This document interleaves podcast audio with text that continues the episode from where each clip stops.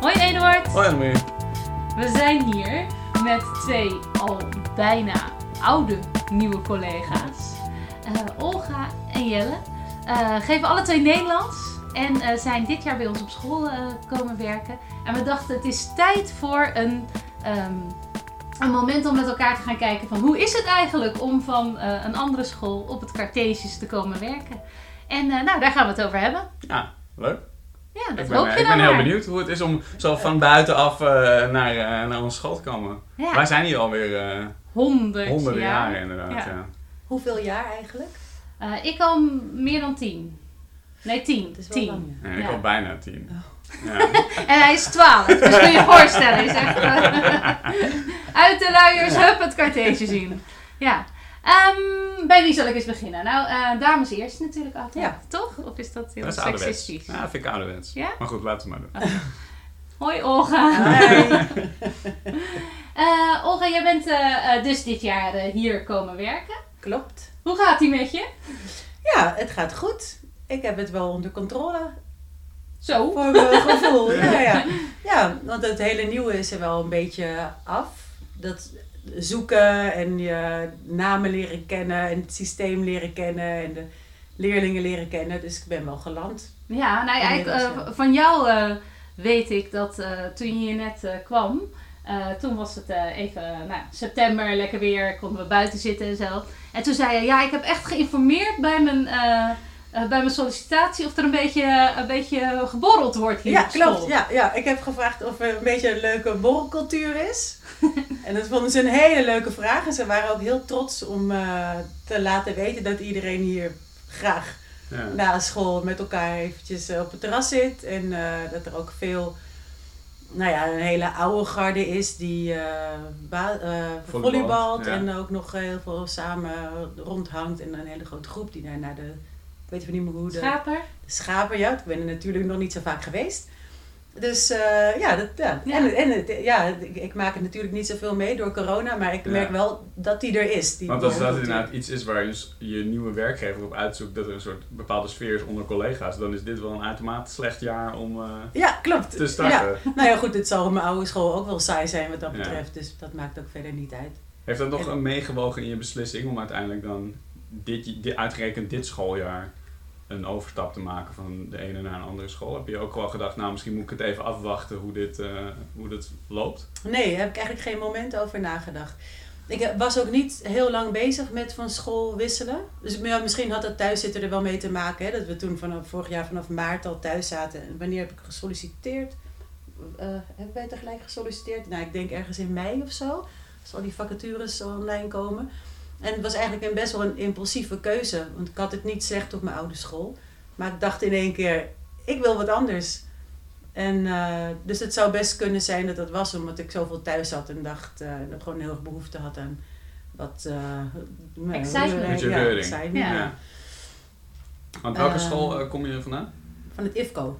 Dus dat is wel een, een andere omgeving, Ja, toch? Ja, totaal anders. Hoe is ja. het bevallen, dat, eh, dat verschil? Of wat is het Ja. verschil überhaupt? Ja. Ik vul het in, ik ken het IFCO alleen maar de naam. Ja, Dus ik nou ik moet voordelen zeggen, qua collega's vind ik het eigenlijk niet zo'n hele grote cultuurshock of zo. Dat je zegt, hier is iedereen eh, heel anders.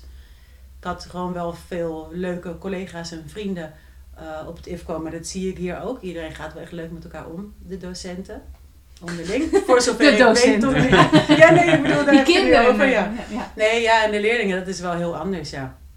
En eh, ja, ik vind dit heel prettig. dus, eh, het is gewoon een hele andere manier van lesgeven. Op het IFCO ehm, is een veel minder hiërarchische school. Dus je staat eigenlijk, de leerlingen en de docenten eh, gaan heel amicaal met elkaar om. En dat heeft natuurlijk ook gevolgen voor, je, ja, voor de lespraktijk. Dat je altijd bij je en bij de voornaam genoemd wordt, maar ook heel veel van elkaar weet. Dus ja, om je echt als autoriteit op te stellen bij die leerlingen is soms wat ongepast bijna. Dus dat is het tegenovergestelde van hier. Want hier heb je gewoon een hele duidelijke leerling-docent relatie. En eh, ja, ik vind dat wel een hele welkome afwisseling. Je kan gewoon hele andere dingen doen in de les. Een opdracht geven die dan gewoon wordt uitgevoerd, bijvoorbeeld. Ook als je er geen cijfer voor krijgt. Ja, dus Ehm, nou ja, ja, het is niet zo dat ze op het IFCO niks doen, maar je moet het op een andere manier aankleden, een andere manier enthousiasmeren en lokken. Ja, het is veel individueler gewoon. Ja. Er staat toch ook de I voor? Ja, Ja. precies. Ja. Ja. En hier kan het lekker systematisch en goed gepland. Ja, dat, ik vind dat heel prettig. Ja. En je zegt jouw eh, je keuze eigenlijk om over te stappen was een klein beetje in een, in een opwelling, behoefte aan, aan reuring. Eh, Jelle, hoe was dat, was dat voor jou? Had jij ook behoefte aan reuring in je leven? Of, eh, Nou, ik ehm, ben heel lang beperkt tweede graads geweest. Met een eh, educatieve minor heb ik lesgegeven op een MAVO in Baarn. En ik heb vorig jaar gestudeerd. En ik wist al wel een beetje dat ik toe was aan wat nieuws. Maar toen ik weer echt was aan het studeren was gegaan, merkte ik echt dat ik bovenbouw, HAVO, VWO wel heel erg leuk vond om te gaan doen. Dus ehm, niet per se reuring. Ik vond de coronatijd eigenlijk ook al wel genoeg reuring. ja. Maar nee, nog geen spijt gehad. Nul Nee. spijt. Want, want jij eh, geeft nu dus inderdaad bovenbouw, HAVO, VWO ook les, hè, want je doet ook onderbouw. Mhm. Hoe, hoe, heb je dat, hoe zijn die eerste stappen daarin eh, voor je geweest? Is het alles wat je ervan gehoopt had? Of, eh? Ja, eigenlijk wel. En vaak ook wat meer. Ik vind dat er hier op school onwijs leuke leerlingen zitten. En ook leerlingen die ehm, veel van zichzelf kunnen laten zien. Moet je af en toe wel een beetje je best voor doen. Maar ik vind ze echt heel erg leuk. En ik vind het ook heel erg leuk om weer met literatuur bezig te zijn. En dat op een creatieve manier te doen. En, eh, volgens mij gaat het best wel heel erg leuk. Ja, volgens mij nou, heb ik nu al vier keer het woord leuk ja, gezegd. ja, ja. Le- leuk Dat dat je een antwoord hebt. Eh, nee, maar ik, ik denk dat eh, voor jullie beiden, daarom durfden we jullie natuurlijk ook uit te nodigen, eh, jullie eh, heel erg verwelkomd zijn ook door de leerlingen. Ik hoor eh, louter positieve verhalen over jullie. Dus dat is altijd natuurlijk heel eh, leuk, zou je Ja, zeggen. dat is- ja. Fijn. Fijn en ook Goed om te horen. Ja. Nou ja, ik kan me voor een, een overstap is natuurlijk best lastig. Hè? Ik bedoel, een school heeft toch best wel een hele eigen cultuur en een eigen inderdaad, een, een soort leerlingpopulatie die zich kenmerkt op een bepaalde manier. Ehm, wat- als jullie de, de Cartesius leerling zouden moeten omschrijven, hoe, wat voor termen kom je dan mee? Behalve leuk. Eh, mag ik antwoord geven? Zeker, ja. Ehm, nou, wat ik heel typerend vind aan Cartesius leerlingen is dat ze hun diploma enorm belangrijk vinden. Dat is dat het wel iets met status te maken heeft. Dat je een goede opleiding hebt en een hoge opleiding. Eh, het zijn desondanks nog steeds tieners die eigenlijk liever andere dingen doen dan met school bezig zijn. Ehm, maar wel heel ijverig, ja, gewoon belangrijk om de dingen echt goed te doen en hoge cijfers te halen. En ik denk ook wel vanuit huis eh, dat dat heel belangrijk wordt gevonden. Dus die steun die je dan eh, ervaart als docent van ouders. Dat je weet van oké, ik ben je niet alleen aan het pushen, maar van huis word je ook aan het pushen of aan het motiveren. Ja. Een stukje kansen, ka- kansen bieden. Ja, precies. Leuke kansen. Ja. Ja, dat vind ik heel typerend. Dus dat je de, ja, gewoon die hele sterke behoefte om het echt goed te doen. Om te laten zien dat je dit kan bereiken. Dat vind ik heel typerend voor Cartesius leerlingen. Leuk. Ja. Ik vind ze ook best wel, nou best wel, ik vind ze ook heel zelfstandig. Ik zie ze heel vaak dingen zelf oppakken waarmee je in de les bent begonnen. En daar verbaas ik me wel heel erg vaak over, op een hele positieve manier. Dat ze redelijk vaak ook wel mooiere dingen maken dan eigenlijk nodig was, of vanuit een andere, toch best wel redelijk creatieve hoek. Maar misschien is het ook dat we dat pushen vanuit Nederlands, of proberen te pushen. Vinden Ja. ze misschien wel heel lastig, vinden ze lastig. Maar ik, ja, ik heb wel het idee dat er ze hele mooie dingen maken. Kun je een voorbeeld geven ervan? Nou, ik had een opdracht in de eerste over eh eh, recensies schrijven voor de boeken, voor de website van de mediatheek. Nou, daar maken ze dan wel echt een werkje van. Dat willen ze niet met één regel afdoen. Niet dat dat akkoord was geweest of zo, maar ze doen wel meteen hun best. Ja, maar dat komt misschien ook omdat er urgentie in zo'n opdracht zit. Weet je, dat je zegt van ja, het is niet alleen maar eh, jij hebt een boek gelezen, schrijf een recensie, die gooi ik vervolgens weg. Nee, we gaan ze gebruiken voor de mediatheek en dat maakt dus dat andere leerlingen het ook gaan eh, lezen. Dus het is ook gewoon een goede opdracht. Ik ga deze opdracht jatten. Ja, ik, oh, oh, onmiddellijk. Vanaf nu schrijven ze alleen nog maar Alles voor de recensies. Nou, wat me wel qua creativiteit wel is opgevallen. Ik kom natuurlijk van een heel creatieve school. En ik had laatst in 3V eh, de opdracht gegeven, een buitenopdracht gegeven tijdens de lockdown. Om een eh, betoog te houden buiten over iets wat je anders zou willen zien in de stad. En die filmpjes maakten ze in duo's. En zodra we weer op school waren, ben ik die filmpjes gaan laten zien in de klas. En toen heb ik dus volle v- verontwaardiging van die leerlingen gekregen. Want dat vonden ze... Nou ja, we, we hoorden dat u de filmpjes laat zien. Dat kan echt niet. U hebt dat niet gezegd. En eh, alsjeblieft, alsjeblieft, doe het niet. Waarbij ik dus uiteindelijk ook maar ja, toch heb gezegd... Ja, sorry, ik ben, ik ben, Excuses. hoezo wil je dat niet? Maar ik ben dat dus niet gewend. Dat je, niet, eh, ja, dat je iets maakt en dat dan vervolgens eh, ja, je gewoon op het podium gaat staan en laat zien wat je hebt gemaakt. Dus daar kunnen we nog wel even wat verandering in, brengen, denk ik. Ja. De kinderen Hier moeten wat ze- meer showponies Ja. ook worden. Nou ja, ja. Ja, En ja, ook elkaar wat dingen- meer waarderen dan voor wat er te zien is. Dat is natuurlijk ook wel Trots zijn een op hun eigen werk. Ja. Ja, Ja. ja. Een beetje trots zelfvertrouwen en, daarin eh, hebben. ja. Ondertussen trouwens voor de luisteraar begint er iets te suizen op de achtergrond waar we weinig invloed op hebben. Maar Het is eh, in het het, iets van een leiding in het systeemplafond. Ja. ja. Het is spannend. Maar ja, Ehm, ja. Dus, eh, de, dus je zegt eigenlijk van ja, ze zijn niet gewend om zozeer eh, zich eh, als eh, ja, op het podium te staan nog. Nee, en hun eigen ideeën en werk te laten zien. Dus ja, wat mij betreft kunnen ze al wat meer met de billen bloot. ja, het is ook wel iets wat je denk met z'n allen een beetje aan moet. Want ik denk inderdaad Ja. dat bij Ja. veel, ik doe, laat, doe ook wel veel met filmpjes en inderdaad, de eerste vraag die je altijd krijgt is van, hoe hoeft het dan niet aan de klas te laten zien hè? Ja, En dat hoeft dan inderdaad voor mij niet. Eh, omdat ik met Engels spreek en denk, ja, vind je dat eng? En ik wil gewoon je Engels zien spreken. Maar ergens valt natuurlijk ook heel veel voor te zeggen. Om het juist wel aan elkaar te laten Ja. zien. En dat wel eh, te tonen. ja, en dat iedereen dat moet doen. Ja. Hey, Ja. en als ze, want eh, eh, Jelle, ze, jullie, nou, Jelle vertelde net iets over waar jullie eh, mee bezig zijn bij Nederlands. Is er nou nog een, een jaarlaag waarin jullie, eh, waarin jullie beide werken, waar jullie echt aan iets aan het werken zijn, waarvan je denkt van ah, daar zijn we echt iets aan het neerzetten? Nou, ik denk dat het wel in VWO 5 gebeurt. Daar Ja. zijn we wel heel druk bezig om zo min mogelijk. We hebben een hele ouderwetse literatuurmethode. Met het prachtige hoofdstuk ergens achter in het boek De Vrouwelijke Romancier. Waarin drie vrouwelijke schrijvers worden behandeld. Nou, dat is wel een beetje pijnlijk. Dus, en de leerlingen vinden de methode ook niet zo heel erg leuk. Dus we Het heet ook proberen. Laagland of zoiets, toch? Ja, Doutsenberg. Ja. Oh, Doutsenberg. Maar Laagland ja. is, ja. Laken erg. en pak, ja. Ja. Nou, en we proberen daar toch wel veel omheen te werken. Met andere soorten opdrachten, meer schrijven. Ben jij ook heel erg voorstander van. En ehm, volgens mij zijn we daar wel echt iets moois aan het maken om die kinderen met een hele brede basis het examenjaar in te laten gaan. ja. Wat, wat, wat ik hoor is dat, of wat ik denk te horen is, eh, dat vrouwen hebben dus maar een heel klein aandeel in die in methode. Zijn jullie ook heel bewust bezig met de diversiteit in wat je aanbiedt qua literatuur?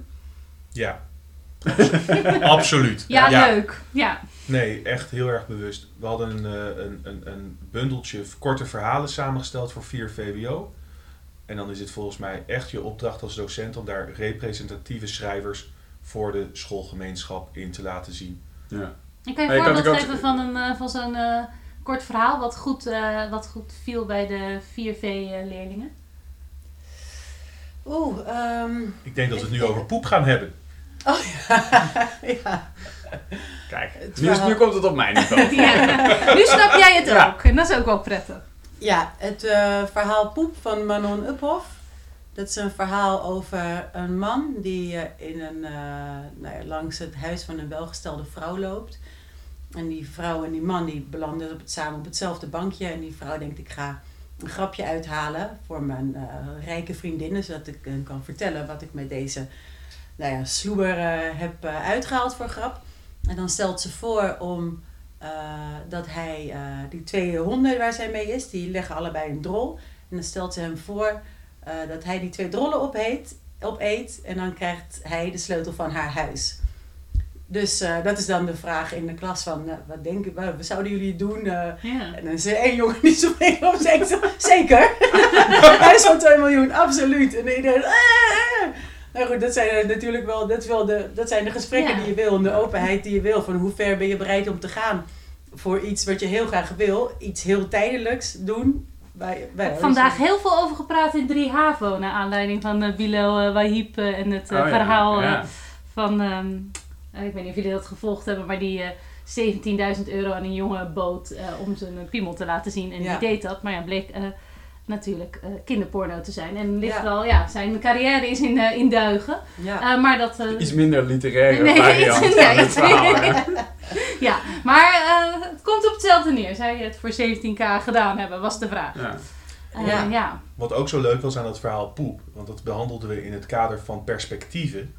En de opdracht die daarbij zat was een creatief schrijfopdrachtje, ook niet te groot, binnen de les te doen. Waarbij ze dan vervolgens de scène vanuit de ogen van de honden moesten beschrijven. en dat is natuurlijk heel erg grappig, want de meest rare dingen komen langs. Een jongen die 200 keer het woord waf opschrijft. Ja, moet je maar net zin in hebben om dat te doen. Maar ze leren er ook nog wel wat van. En dat vind ik ook wel heel erg leuk. Dat op een creatieve manier het aanbieden van dezelfde stof heel goed mogelijk is. En ook weer een beetje uit een comfortzone. Want ze moeten dus niet stom een definitie leren. En dat dan weer toepassen. Ja, dan, dan, dan heeft het helemaal geen waarde. Nee. Het moet wel wat betekenen. En dat is wel inderdaad een hele mooie manier. Ook wel eh, vanuit mijn vak. Wij hebben natuurlijk ook heel veel over multiperspectiviteit. En dat is natuurlijk iets wat, wat je op, op heel veel manieren dan kan eh, invliegen. Ik denk ook bij MAW ben je daar natuurlijk heel veel mee bezig.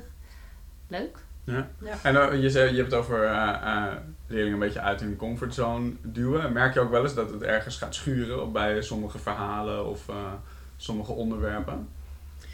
Ik vind dat wel meevallen. Ehm, op zich ehm, is het ook. Nou, ik geef vanaf de derde les, dus het zou kunnen dat dat ook gewoon een beetje met iets ouder worden te maken heeft. Dat het op een gegeven moment ook wel gênant wordt om te gaan giechelen bij een bepaald onderwerp. Maar ik vind dat leerlingen is ook wel best wel eh, ja, zich expliciet uitdrukken in eh, eh, hun eigen geschreven teksten.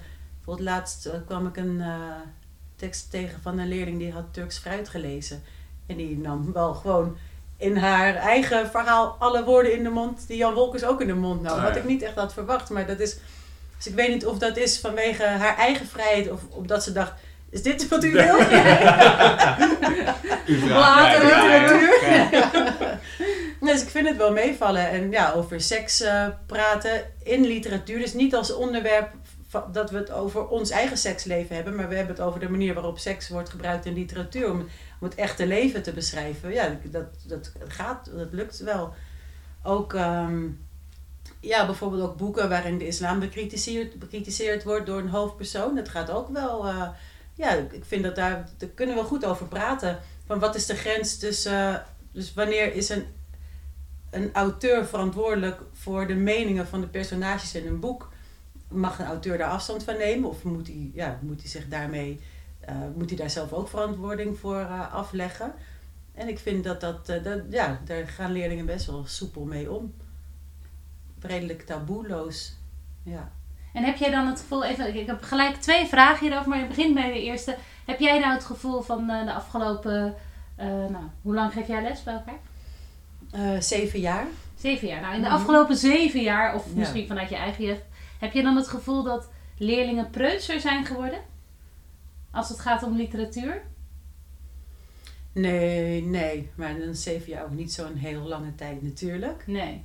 Nee, ja, nee, nee. Dat, Dat nee, kan, nee, nee. nee, nee. Nou ja, soms heb ik eh, dat, eh, ja, dat er wat minder, dat, er, dat, dat wat minder, nou ja, bijvoorbeeld Wolkers en, eh, en zo, minder gelezen wordt en dat het ook wat als wat schokkender ervaren wordt. Of heb ik dit, eh, dit gaan knippen, hè? Dit is, Ja, het nee. gaat helemaal nergens over. Ja, je had het vanaf of Jelle nu iets Nee, heel oh eh, knapperigs gaat zeggen. Ja, maar volgens mij moeten we er zo niet naar kijken. Volgens mij zijn leerlingen altijd leerlingen. En, en altijd zullen er mensen zijn die dat vervelend vinden om over te lezen. En zeker, ik heb nou ook een leerling in 4 VWO die Turks fruit heeft gelezen. Nou, ik heb het er sterk afgeraden. Ging ze het nog meer lezen. En, Nog een keer. en vervolgens zei ze, ja, het is inderdaad wel heel erg grof. Volgens mij ligt, is dat heel erg persoonsafhankelijk. Ja. Ja. dat denk ik ook, ja. Maar het mooie aan literatuur is natuurlijk dat je, eh, je leest dat boek, je leert er van alles van en je leeft je in. Je gaat Ja. vanuit het perspectief van de hoofdpersoon. En om vervolgens kan je dat vanuit jezelf afkeuren of juist omarmen. Je hoeft er in zoverre, je moet er wel wat mee, je moet er iets over nadenken, maar het betekent niet per se iets voor jouzelf. Nee, het is een hele veilige experimenteerruimte of laboratorium voor gevoelens en gedachten.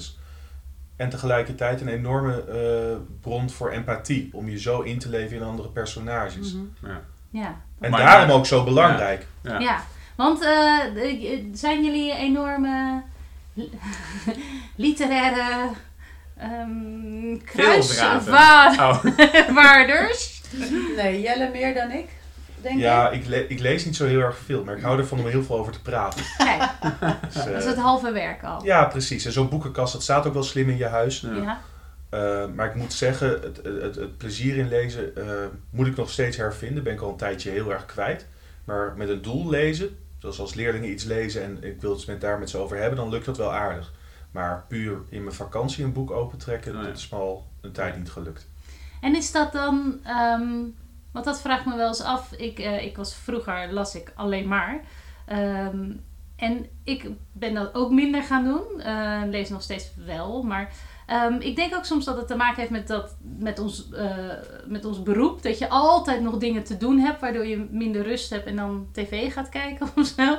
Ehm, maar ook eh, wel een beetje dat het juist die gevoelige eh, periode van lezen heel erg op de middelbare school eh, was. Ik was altijd ook aan het lezen. Ja, en, en, en Of, is, dat, is dat heel persoonlijk? Nou, ik, heb, ik, heb het, ik, had, ik had op een gegeven moment was ik ook heel erg klaar met lezen, maar ik heb dat, dat kwam eigenlijk omdat ik na zoveel jaren op school zitten en studeren zoveel verplicht moest lezen altijd, dat ik er helemaal klaar mee was. En toen ik daarvan verlost was en ik gewoon weer zelf mocht gaan kiezen wat ik wilde lezen en het niet per se een soort enorme literaire klassieker hoefde te zijn, maar ook gewoon nou ja, een van de fancy boek kon zijn. Of juist wel een klassieker, omdat ik daar zin in had, weet je wel. Maar eentje die niet aangeboden werd. Ja, sindsdien heb ik het weer heel erg hervonden. Le- nou, ik lees niet heel veel, want die tijd heb ik niet. Maar ik lees wel vaak in ieder geval. En dan na vier pagina's val ik in slaap. Maar eh, Heel vaak Ja. vier. Ja. Nou ja, ik ook heel vaak vier, maar dat is, eh, dat is toch beter dan nul. ja, dat is waar. Ja, het is ook best wel jammer dat we natuurlijk eh, dat er zoveel regels rondom het literatuuronderwijs eh, zijn, zijn opgesteld. Dat het niveau vier boeken moeten zijn, dat je geen vertalingen mag lezen. Het is omdat het ja, Nederlandse taal en cultuur, dus er moeten Ja. oorspronkelijk Nederlandse schrijvers in eh, gelezen worden. Maar ja, voor literatuur maakt dat natuurlijk niet uit. Weet je wat je zegt met je empathisch vermogen ontwikkelen of wat zijn dit zo mooi? Experimenteren in een veilige wereld. Dat kan natuurlijk met vertaalde boeken, dat kan met alles. Dus Ja. het is een beetje jammer ehm, ja, dat, dat die beperking er is. Ik heb ook wel eens het gevoel dat we, dat we heel hard aan het werk zijn als, als talendocenten. Om elk leesplezier wat een kind maar kan Ja. hebben, er heel erg hard uit te wringen met, met de manier hoe we, het, hoe we het onderwijs ingericht hebben. We Ja. gewoon eigenlijk onder best wel druk grote boeken moeten lezen, eh, toetsen over maken, weet je Ja. wel. Ehm, Ja. De enige leuke manier van ehm, eh, verwerkingsopdrachten van boeken zijn eigenlijk gewoon mondelingen. ja. Dat is, Ja. het enige, Ja. dat is de enige manier om leerlingen echt bij te brengen dat je met kunst bezig bent. En dat iedereen een boek op zijn eigen manier interpreteert. En dat het juist daar het gesprek over moet Ja. gaan. Hoe jij het hebt geïnterpreteerd. En ja, een recensie schrijven is wel een leuke opdracht. Eh, alleen leerlingen krijgen nog steeds het gevoel dat er een goed of fout is. Want Ja. Hoe kan ik dit op zo'n manier doen dat ik een 10 krijg? Ja. Dus het, ja, dat, de vrijheid eh, van over literatuur praten neem je dan een Ja. beetje af. Ja, we hebben nu een, eh, eh, in de vierde wel een aardige opdracht. De credits daarvoor naar mijn collega's, waarbij ze een boek gaan lezen, maar met een research question.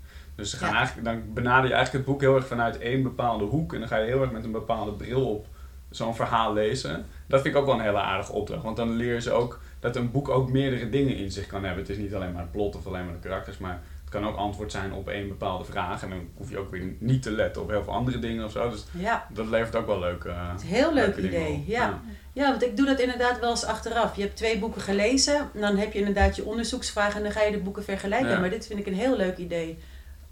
Ook Stelen we het- zo over en weer wat, eh, wat ja. dingen van elkaar. Tijdens een podcast. Ja, Ja. bij geschiedenis doen wij ook wel eens mysteries. Dus je, begint, eh, je gaat uit van een situatie en die moet je dan eh, door brongebruik oplossen. Dat zou je natuurlijk eventueel ook kunnen doen. In plaats van, dus er Ja. is een mysterie, wie lost hem op? Gouden ei bijvoorbeeld. Wat, wat is er aan de hand? ja, vraagt iedereen zich af. Ja. Waarom mag dit is, is daar toch het mysterie van. ja. Hey, ehm, we hebben natuurlijk nu ook een literaire eh, controverse op dit moment eh, in Amsterdam. Eh, eh, ja, jij schrikt ervan. Ehm, misschien ook wel iets wat, wat, wat eh, speelt hier op school. Het, het, verhaal van eh Lele Gül eh, en haar, haar boek wat ze schrijft over haar autobiografisch, volgens mij, autobiografisch boek over, over haar leven en hoe zij zich ontworsteld heeft aan de islam. Hebben jullie het daar wel eens over gehad in de, in de klas? Ik heb het daar niet over gehad met leerlingen, maar, en ook niet over dit specifieke boek. Maar ik heb daar wel een, een, een heel sterk idee bij dat wat er ook bij die leerlingen ontstaat, Mhm. of welke vragen ze daarover hebben, dat daar naar geluisterd moet worden. En dat je daar een open gesprek over moet kunnen voeren. Ik denk dat deze situatie, of dit boek, heel veel meningen kan veroorzaken, ehm, die er volgens mij prima kunnen zijn, maar dat die leerlingen daar serieus in moeten nemen. Ja, nou zeker, dat lijkt mij ook. Ja, het dus dat zeker. Eh, nee, ik heb dit boek niet besproken. Ehm, ik ehm, twijfel altijd of je leerlingen. Het is inderdaad heel belangrijk dat ze daar een mening over kunnen hebben en dat ze gehoord worden. Het, mijn enige terughoudendheid is soms dat de leerlingen ook niet op zitten te wachten om de hele tijd als eh, eh, islamitische groep aangesproken te Ja. worden. Toen met die onthoofdingen in Parijs had ik dat heel erg in mijn mentorklas. Dat ik, eh, dat, ja, ik wilde graag horen wat ze ervan vonden en hoe ze zich erover voelden. En de meeste emotie die daar loskwam was eigenlijk van hoezo, hoezo moeten wij daar per se wat van vinden? Weet je, wij distancieren ons daarvan. Ja. Het is Ja. natuurlijk wel een heel ander onderwerp dan het boek natuurlijk. Maar ja, dus dat vind ik soms wel moeilijk in hoeverre je de leerlingen de hele tijd als, al- ja, als, als een groep moet Ja. aanspreken. Het zijn natuurlijk gewoon individuen, Individuen, in ja. de klas. En, Ja. eh, dus, eh, maar ja, ik denk dat, ik- dat ik het in dit geval wel ga doen, omdat het natuurlijk wel interessant is om te kijken. Zeker wat ik net vertelde van hoe zit dat met literatuur? Wat is toegestaan en wat niet? En oh, in hoeverre hou je rekening met andere, Ja. met de lezers? Ja. Dus ja, Maar het is wel mooi omdat inderdaad, want de, ehm, eh, ik denk wel dat de wereld om ons heen heeft best wel de neiging om soms te denken van, oh, en doe je daar ook wat mee in de klas? Maar Ja. inderdaad, die kids zijn er gewoon om, hier om te leren en eh, je kan van alles leren. Eh, hier kan je ook van leren, maar het hoeft niet elke keer te gaan over de multiculturele samenleving Ja. en alle dingen die daarbij horen. Ehm, al blijft het voor mij wel ook een interessant iets om met, eh, met onze. eh, om, om te merken dat eigenlijk alles wat er in de wereld om ons heen gebeurt, zit volgens mij versterkt ook altijd op deze school. Dus Ja. ehm, nou ja, de, de, de, de vragen van eh, armoede en rijkdom, ehm, eh, kansengelijkheid, allemaal dingen Ja. die heel erg zichtbaar zijn op deze school. Ja. Ja. En eh, ja, dat vind ik ook tegelijkertijd, omdat ik heel, zelf heel erg hou van, van de maatschappij en daarover nadenken, vind ik dat wel echt leuk om ook met hen daarover na te denken. Ja. Ook omdat ik vaak he- heel, ja, echt vind dat ze ja, echt goed over nadenken, goede dingen bij te dragen hebben. Ja, maar, En, eh, maar je merkt inderdaad wel een soort... ehm, die de echt goede gesprekken daarover, die komen eigenlijk bij toeval tot Ja. stand. En op Ja. het moment dat je er een soort lesonderdeel van maakt, dan, dan is- voel je inderdaad iets van... Ah, ja, moet ik hier nou weer als moslim of als eh, persoon van kleur een mening over hebben vanuit dat perspectief Ja. of zo? En ik voel mezelf daar soms ook wel ongemakkelijk over. Dat ik denk, ja, dan sta ik hier weer als witte gast dingen te zeggen over eh, ehm, nou ja, dingen waar ik zelf helemaal persoonlijk niet een ervaring mee heb en waar ik het wel heel interessant eh, vind het heel interessant om het daarover te hebben. Maar zij willen het inderdaad misschien veel liever gewoon hebben over dingen die ver weg zijn en waar zij persoonlijk misschien veel minder mee, eh, mee van doen hebben. Ja, nou ja, precies. Want die empathie voor de hele wereld om zich heen, die ontwikkelt zich juist ook wel af en toe als je er niet per se eh, zelf wat mee te maken hebt. Nou, en ik denk Ja. ook dat ehm, als je bijvoorbeeld nu moslim bent in Amsterdam, dan word je al vaak genoeg doorlopend aangesproken op eh, je religie of je afkomst of je cultuur. Het is best fijn om dan ook in een omgeving te zijn waar dat er niet toe doet. En waar, waar je gewoon los daarvan een persoon bent. En dat niet de hele tijd je daarop aangesproken wordt. Dat is wel een soort balans of zo die we... Ja, en het is ook wat je zegt. Het hoeft niet ook geen onderdeel te zijn van je lesopzet. Je kan het Ja. een beetje spontaan laten komen. Ja. Ik had het vandaag in de klas met, eh welke klas was het? 4V, over de avondklok. En of dat eh, eh, dan vervelend is voor de ramadan, dat je dan niet, dat je pas om Ja. tien uur bij elkaar mocht. En ja, daar, daar waren ze heel vol van. Maar dat, ja, dat was eigenlijk niet per se een gesprek waarbij we tot een Nee. conclusie moesten komen. Maar Nee. het is natuurlijk ook voor mij als docent heel leuk om te weten hoe dat gaat in die gezinnen. Ja. Wie gaat er bij familie langs? Maar dan heb je, zei, eh, gaat het gewoon vanuit interesse inderdaad. Dat- dat- Die, die gesprekken gaan, dan kunnen zij gewoon vrij vertellen van... Ja, precies. En dan is het niet van, jongens, we gaan een gevoelig onderwerp Ja, behandelen precies. vandaag. Controversieel! Ja, ja, Ja, ja, ja. ja. Zetjesgrap, daar Ja. gaan we dan. ja.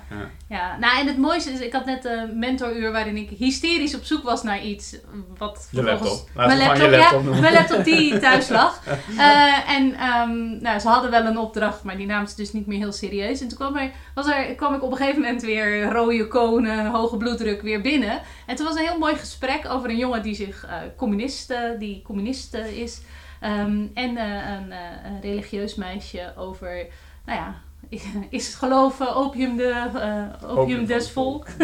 en dat was wel heel mooi, want ze gingen zo respectvol met elkaar spreken. En zo mooi uitleggen van, en waarom denk je dat dan? Hoe kom je daar dan op? En toen dacht ik, ja, daar kan je geen, eh, geen lesopzetje tussen eh, Nee. proppen. Ja. Nou, dat zijn nog de cadeautjes. Ja. Maar dat is ook echt, denk ik, de grote waarde van onze school. Ik heb laatst ook een heel mooi gesprek gehad met twee meiden over eh, nou, ja, wat het voor hen betekent om te geloven en voor mij betekent om niet te geloven. En dat dan voor mij, als ik doodga, het leven voorbij is en dat zij zich kunnen uitkijken naar een hemel of kunnen vrezen voor een hel. En dat was gewoon een heel mooi, echt een heel mooi gesprek. Ik denk, ja, dat, dat had ik ergens anders niet gehad of zo. Ja. Nee. Of En, en, en ook wat ik daar dan zo mooi aan vind, is dat er echt iets gebracht wordt. Er komt een iets, iets nieuws op, op de tafel eh, en daar kan je over nadenken. En ik moet zeggen dat door de jaren heen heeft dat mij ook echt wel ja, heel veel gebracht of zo. Wat die leerlingen Ja. inbrengen en wat zij, hoe zij naar het leven kijken.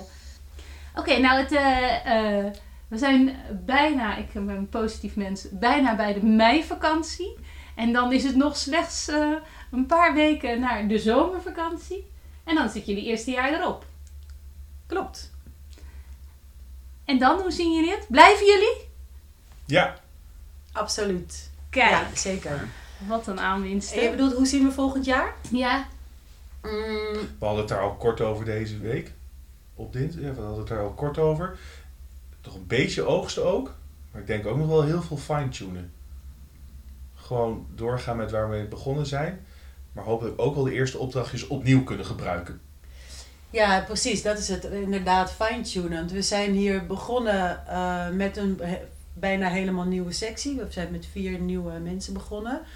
Dus we hebben ook heel veel, eh, nou ja, van eh, from scratch moeten opzetten. Wat heel relaxed is natuurlijk, want je doet precies wat je zelf wil doen. Maar het kost wel veel tijd. En soms ehm, heb je inderdaad, ehm, nou ja, kom je gaandeweg erachter dat iets niet helemaal past. Dus dat hebben we ja, we hebben heel veel te fine-tunen volgend jaar, ja, tot iets eh, perfect. Ik hoop ook wel dat ik dan dezelfde klasse kan hebben en ehm, eh, met hetzelfde programma kan werken. Maar dat is waar ik me inderdaad wel het meest op verheug. Wij allebei, hè, daar hadden Ja. we het over.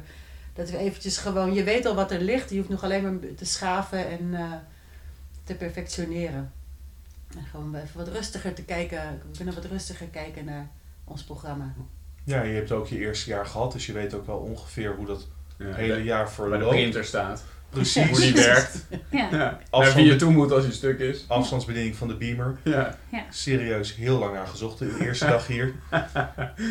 Ja. Blijkt dus dat je allemaal een afstandsbediening hebt die je Ja. altijd moet meenemen. Ja. ja. Wat, is het, wat is het meest gekke ding van onze school waar je tegenaan gelopen bent? Dat je denkt, hè? Wat is dat nou? Wat is dat? Het meest gekke ding. Eh, er zullen toch wel gekke dingen zijn geweest. Nou, ik voor me zien dat ik thuis de deur in stormde en zei: Wat nou is overkomen. Maar ik kan me dat niet herinneren. Verdrongen wat daar gebeurd is. Ja. Ja, ik heb gisteren geteld hoeveel dagen ik hier al werk. Om en nabij de 200, inclusief weekenden. En ik heb tot mijn grote verbazing gezien dat ik al meer dan 3500 e-mailtjes heb gekregen. Ik heb het idee dat hier best wel graag ge-e-maild wordt.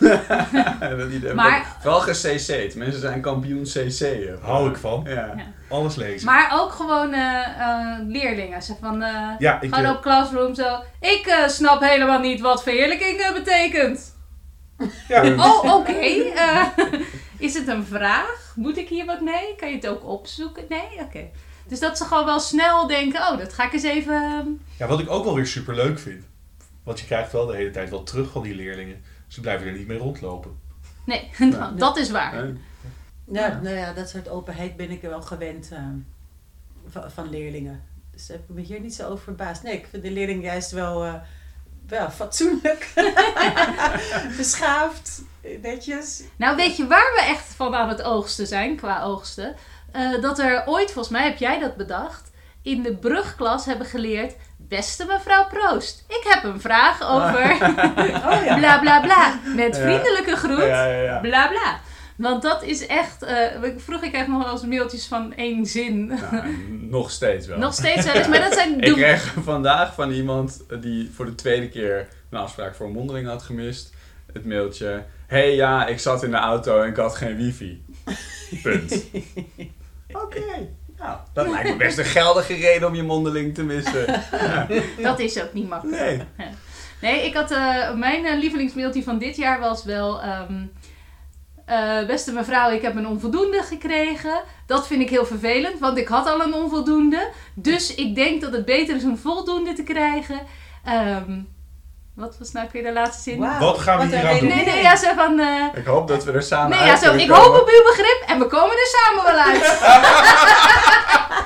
en dan ben ik. Af en toe herlees ik hem gewoon omdat ik daar zo gelukkig van word. Ja, ja, dan ben Ik- wel ik geneigd schrijf eh, gewoon op. Ja. We komen er samen wel uit. dat vind ik positief. En dat zijn we ook. We zijn er samen uitgekomen. Ja? Heeft ze een voldoende? Nee, tuurlijk. Nou, ik denk dat dit een mooie afsluiter is. Ja, Hè? dit was. Een onvoldoende. Een onvoldoende. Dank jullie wel Ja, voor dit Ja, gesprek. graag gedaan. Ja, En eh, ja, Dank laten we hopen inderdaad aandacht. eh, op nog heel veel mooie jaren samen op het Cartesius. ja, nou dat zeker. Ja. Daar hoop ik ook heel erg op. Ja.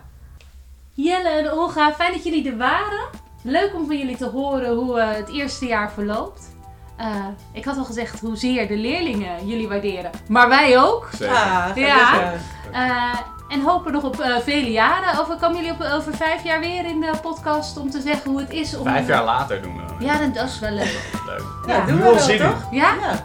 Nou, Misschien zullen jullie wat eh, controversiële literatuur ondertussen behandelen. dank jullie wel. Dank jullie wel. Oké.